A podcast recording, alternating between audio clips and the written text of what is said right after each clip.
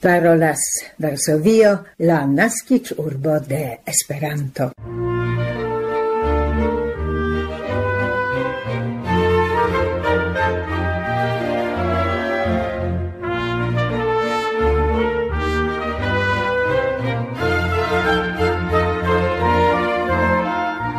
Coran saluton gesinjoroj vendrede la dekan de februaro 2023 en la 1200 kvina Esperanto elsendo bonvenigas vin Barbara Pietrzak, Gabi Kosiarska, Milada Szwedoka i Krystyna Grochocka kaj Maciej Jaskot. Hodiaŭ ni proponas kultur kronikajn informojn kaj felietonon pri koninda loko en Pollando, kiun proponas el ni arkivo Gabi Kosiarska. La texto pri Olsztyn troviĝas jam en nia arkivo, sed ne rilatas al la urbo, en la nordorienta Pollando, pri kiu vi audas hodiau. Rizzo Giacometto logas vian atenton contribui al la nuniara congresa temo de la cent oca uco en Torino en migrado con fluo de homai valoroi. Quelcan atenton ni donos al paperei Esperanto gazetoi atinginte la redakcion ec de la jar comenzo. La lastulunda tertremo in Turchio kaj Sirio shovis almeneu por mallonge en la polaj amaskomunikiloj, ĉiutagan raportadon pri milito en Ucrainio. Daure venas mal tranquilliga informoi pri la crescante nombro de la victimoi cae vunditoi. La la jauda informoi la nombron de la victimoi oni taxis je dudek mil, sed laŭ Ekspertoj povas temi pri sesdek sep mil. Oni evakuis circa dudek ok mil personoj. Ekde la komenco la lokojn trafitaj de la elementa katastrofo celas eksterlandaj helpotrupoj. Ekzemple, laŭ relative plej freŝaj informoj en Turkio mem laboras pli ol 30 mil savantoj. Ankaŭ el Pollando tuj al la trafitaj lokoj estis direktitaj specializaj savtrupoj kun necesaj aranĝaĵoj kaj hundoi. Kun entuziasmo oni notas ciun savitan personon. de la unuae hororigai informoi oni comensis en Pollando collecti la necesan materialan helpon en la formo de tendoi, pleidoi, matrazoi, nutrajoi directatan al ambaulando. Inter alie la organizoi kiel Caritas Polska organizis la monkolektadon por la bezonnoi de la suferantai landoi. Nia redakcio solidaras kun kiuj engaĝiĝis, engaĝiĝas favore al la viktimoj kaj vunditoj de tiu ĉi terura tertremo, cae cun ciui kiui engagigis alla helpo laboroi. Kaj nun sekvas pliei eroi de nia hodiava programo, kiuj ne komencas kulturtema kroniko.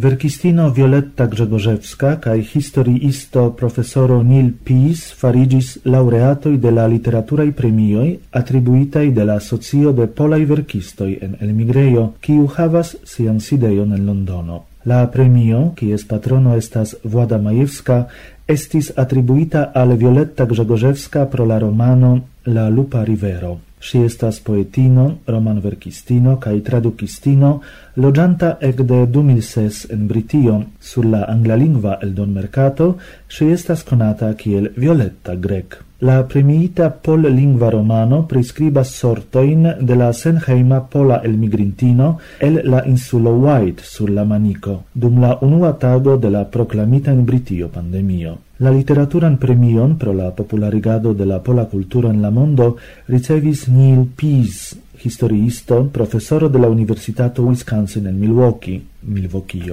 Li gvidas leccioin dedicitain alla historio de Pollando ca la centra Europo, al la historio de cristianismo cun aparta considero de catolicismo. Li autoras aprecatain libroin, esseoin, kaj sciencajn disertacioin ligita in cun citiu temaro.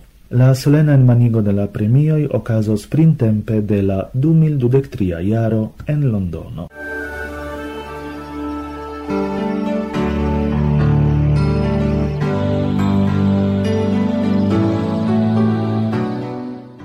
La celo de la constanta expozicio pri la Pola Hungara i relatoi en la Pola Esplor Instituto kai museo en Budapesto estas liveri al la i lernantoj kaj studentoj konojn pri la pola historio. Conceptita autune de 2021, gi estis malfermita mese de 2022. La expositio rilatas inter alie alla polai hungarai dinastiai relatoi, insurreccioi, revolucioi cae commerciai contactoi inter ambau landoi. Menci indas inter alie che la polai hungarai dinastiai relatoi referenzas alla epoco de la unuai polai pias dinastiai regioi. En la comuna historio estis ancau multai aliei eventoi, kiel en 1939 cae 1956,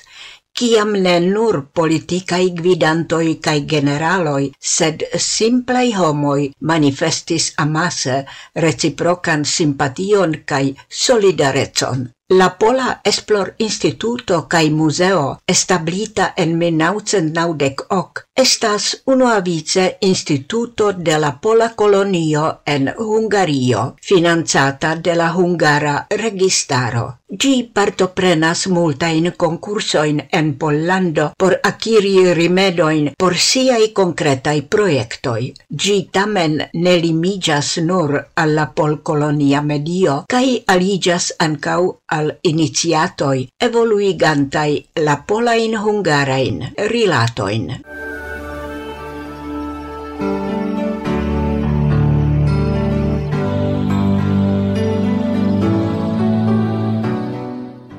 Kvankam Pollando ne abundas je historiaj objektoj sur la listo de la polaj histori-monumentoj, aperis pliaj. Temas pri klostro de Sankta Onufrio en la loko Jabłeczna, la arkitektura kaj urboplana komplekso de la kvartalo Nova Huta en Krakowo, la parocha preĝejo de Sankta Jakobo Apostolo en la loko Małujowice, la kolegiata komplekso de Sankta Marteno Episkopo en Opatów, la Bernardena klostra komplekso en radom la santejo de Di Patrino, patrino de la paco en Stoczek klasztorny, la vira klostro de la Angela Nonco al la Plei Sancta Maria Virgulino en Supraśl, la archicollegiata complexo de la plei Santa Maria Virgulino cae Sancta Alexo en Tum cae la iama sideio de la Ministerio por la religiae confessioi cae publica clerigo en Varsovio. Ecde du mildec ses, la listo ricigis je cent quindec tri obiectoi.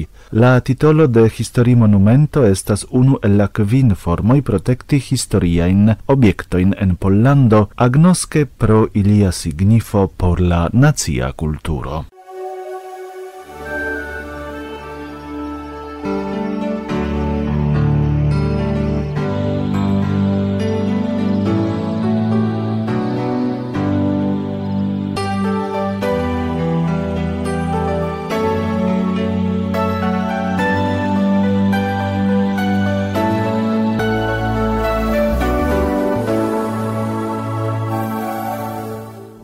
Varsovio daŭrigas la Esperanto-elsendon.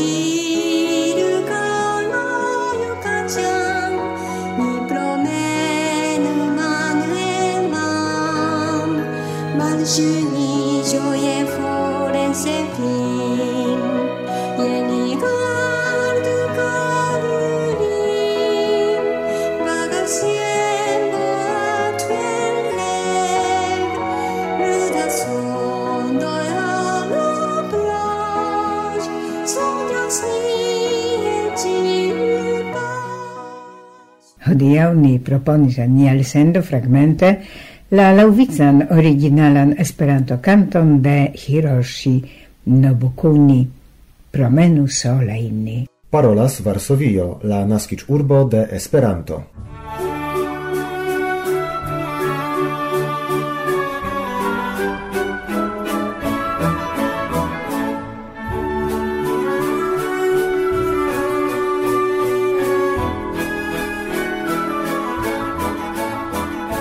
Hodiaŭ ne invitas al Olsten la urbo troviĝanta inter dek unu lagoj kaj arbaro apud la rivero Wina en la nord-orienta Pollando.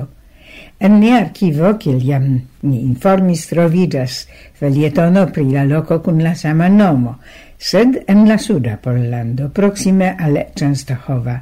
Iam en la dec quina iercento pola cronicisto Jan Dugos presentis difinoin polain de citiu urbo en la nord-orienta Pollando. Fine de la dec quina iercento oni notas du formoin, Olstin cum malsama ortografio, cae ec de la dec sepa iercento en la documentoi de la urbo aperas iam la nomo Olsten. Antau ol Olsten estis establita Oni decidis elkonstrui tie castelon, char la dec quara jarcento ne appartenis tie al tranquilai. Inter alie pro la proximeco de la Teutona ordeno ruse instaliginta tie, kiu jen kaj jen declaris militoin contra Pollandon. Pro la situo apud la rivero Wena dum jarcentoj la castelo Ancau en oficialei documentoi esis definita simple Castello de apud Uena Rivero. Oni construis gin lauetape, inter la dec quara cae la dec sesa iercentoi. Ce la piedoi de la gotic stila castelo evoluis setleio, pri ciu, ciele la urbo, oni parolis ec de la mil tricent quardec oca iaro, quancam officiale urboraitoin gi aciris nur la 31 de octobro de la 1353 iaro. tria.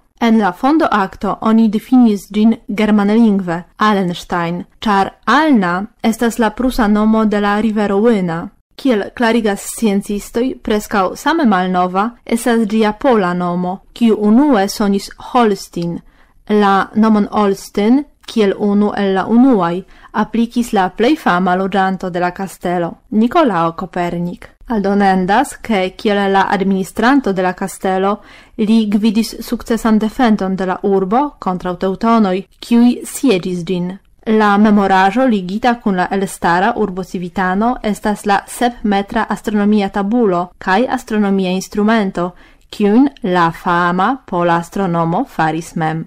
Plurai sciencistoi opinias che giuste logiante en Olsztyn inter la jaroi 1516-1521 Copernic akiris certezon che la tero rivoluas circa la suno. La plei reconebla construajo en Olsztyn, krom la castello, en kiu actuale trovidas la regiona museo de Varmio kaj Mazurio, estas Basilico de la Sancta Jacobo Apostolo, estanta perlo de la brica gotico en Pollando. Ni notu ancau che tiu ci sanctulo estas patrono de la urbo, gardante gin inter alie de sur la blazono de Olsztyn. Sed ni revenu alla urbo historio. La mezepoca Olsztyn estis circauita per murego cae aquafosajo. De la nordo oni povis enveturi gin laue de la supra pordego, difinata ofte ancau la alta, kiu conservigis dis hodiau sude trovidis la malsupra pordego, al kiu kondukis la strato recta,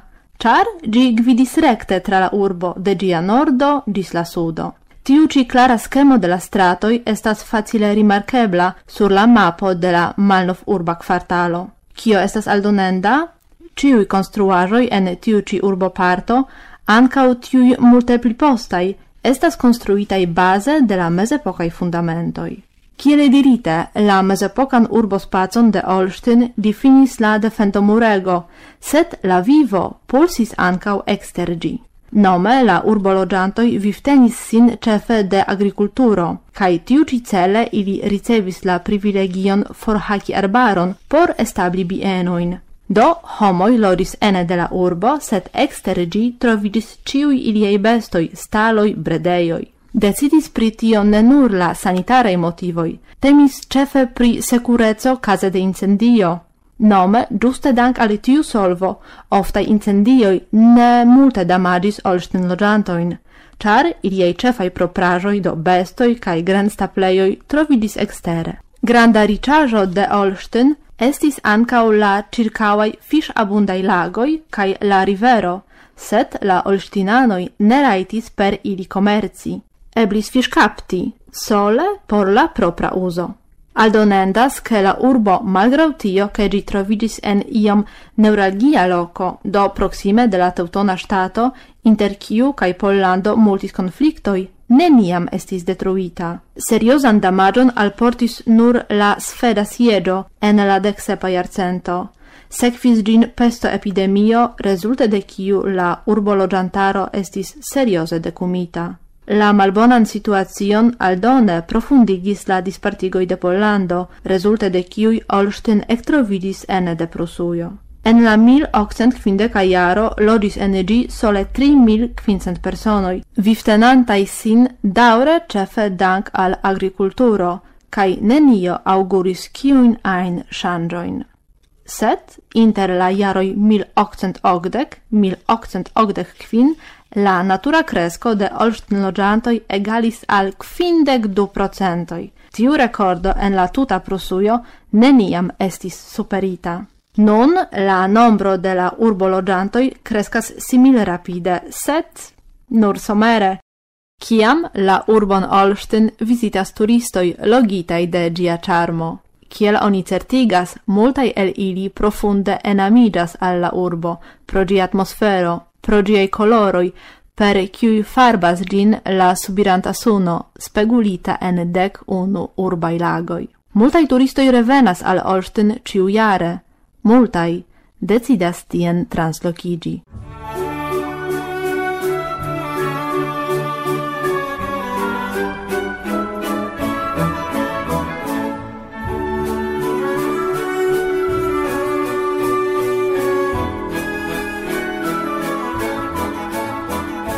Vi audas la programon de la Esperanto-Radio Varsovio.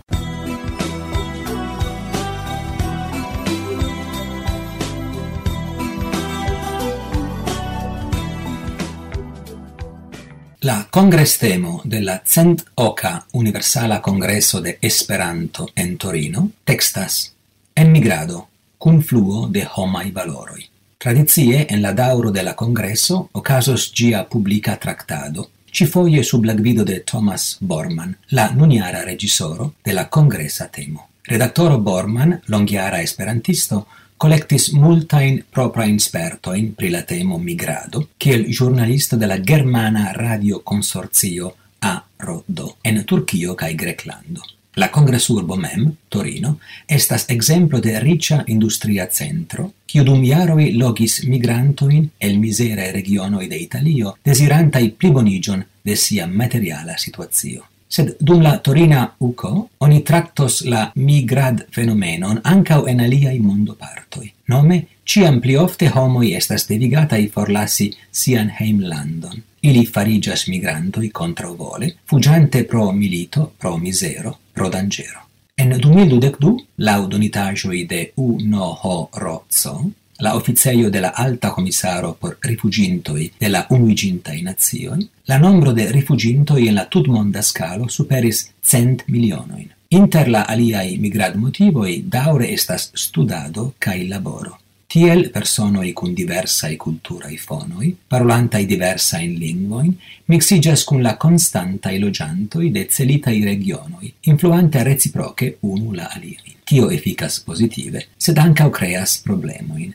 Ciu esperanto movado povas roli por solvi ilin? Ja migradspertoi ne estas fremdai al esperantistoi. Multai ricigis per propria espertoi electante vivi en exterheima lando, farigiante parto de gia socio cae culturo. Tial do la organizantoi invitas ciuin esperantistoin lertain au spertain pri la temo migrado, contribui alla programo dediciota alla congressa temo. Eblas rapporti pri sia espertoi kiel migranto, eblas rapporti pri sia espertoi en la contactoi cun enmigrintoi. Ciui interesigiantoi estas albocitai contacti la regisoron de la congressa temo Thomas Borman l'aula adreso congressa temo ĉe groups.io.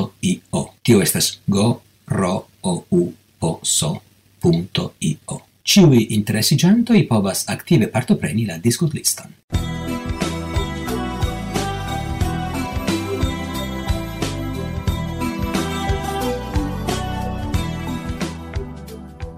Parolas Varsovio la naskij urbo de Esperanto.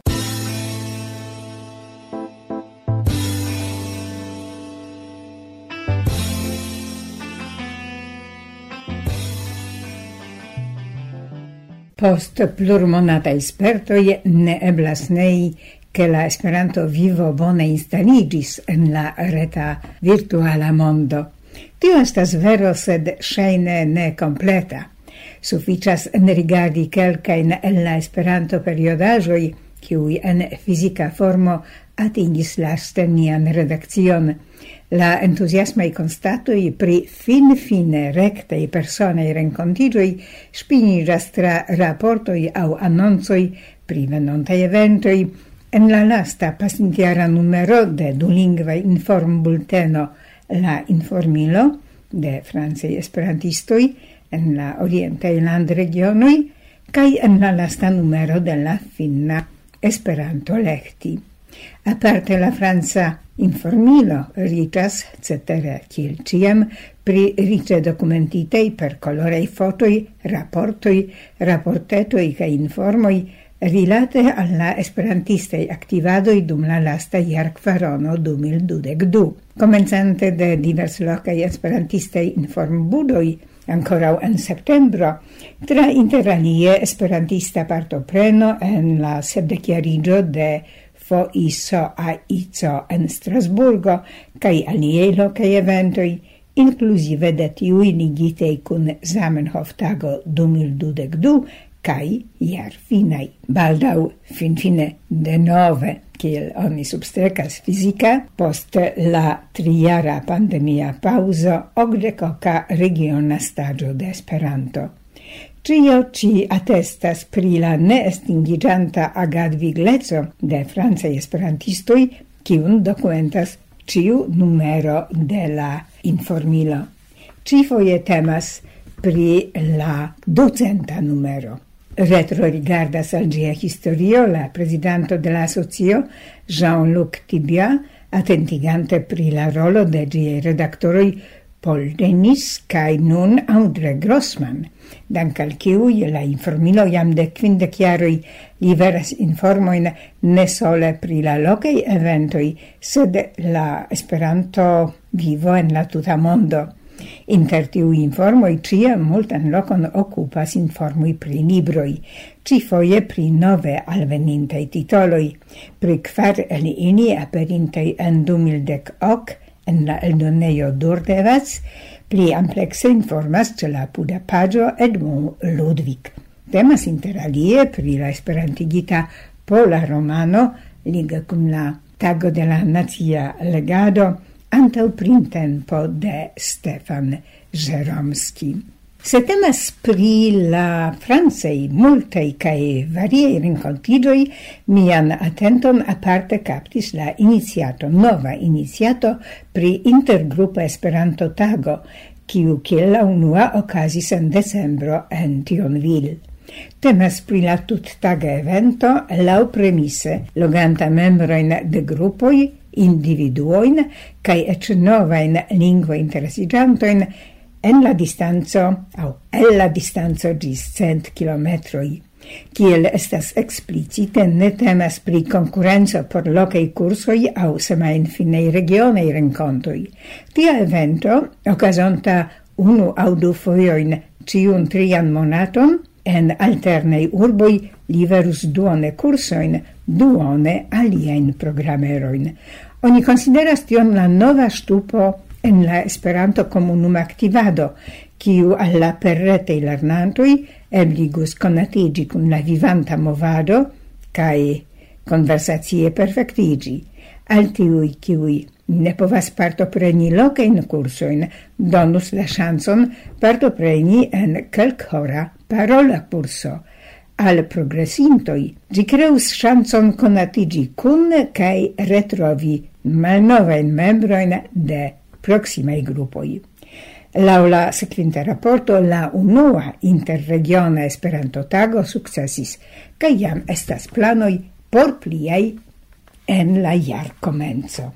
La decembre Esperanto lekti ankaŭ alportas rapportetoin pri kelkaj el la decembre Esperanto eventoi, ankaŭ cun fotoi ec se sole nigrei blancai, kiel ni legas la lasta Zamenhof taga rencontigio de e AFO ocasis ancora exclusive distanze sed fisican formon havis tiui rencontigioi kiui ocasis en diversei unuopei locoi. Esperanto lehti ancora havas contribuen cristnasco ocasen, kiel esperantigitan en la sveda dec nau jarcentan pietosan julcanton, kaj charman literaturan surprison de Tuomo Grunström liga kun la festo de tri reĝoj au tri magoj kolokvo raporto.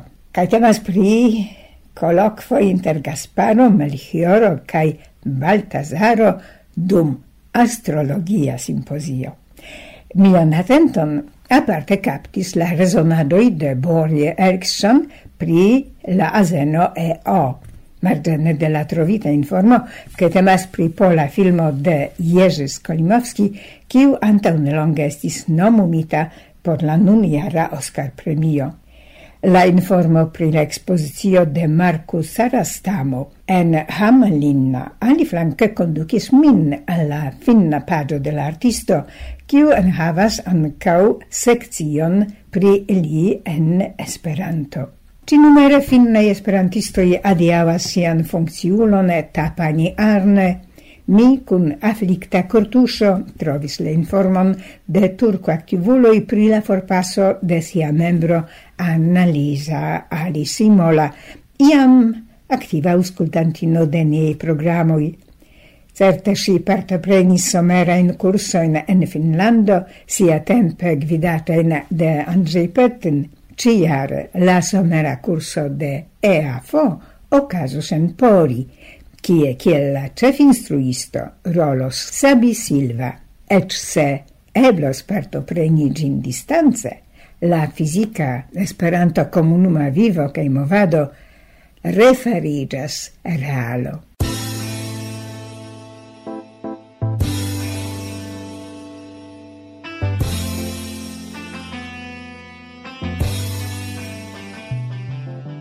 per la enrigardo en do en la laste veninte fisica Esperanto-gazetoj finigas nia hodiaŭa Esperanto-elsendo. Ni adiaŭas vin per citajo el Zamenhof proverbaro Comenzo bona, laboro duona. Signorinoj kaj signoroj ĝis la raŭdo.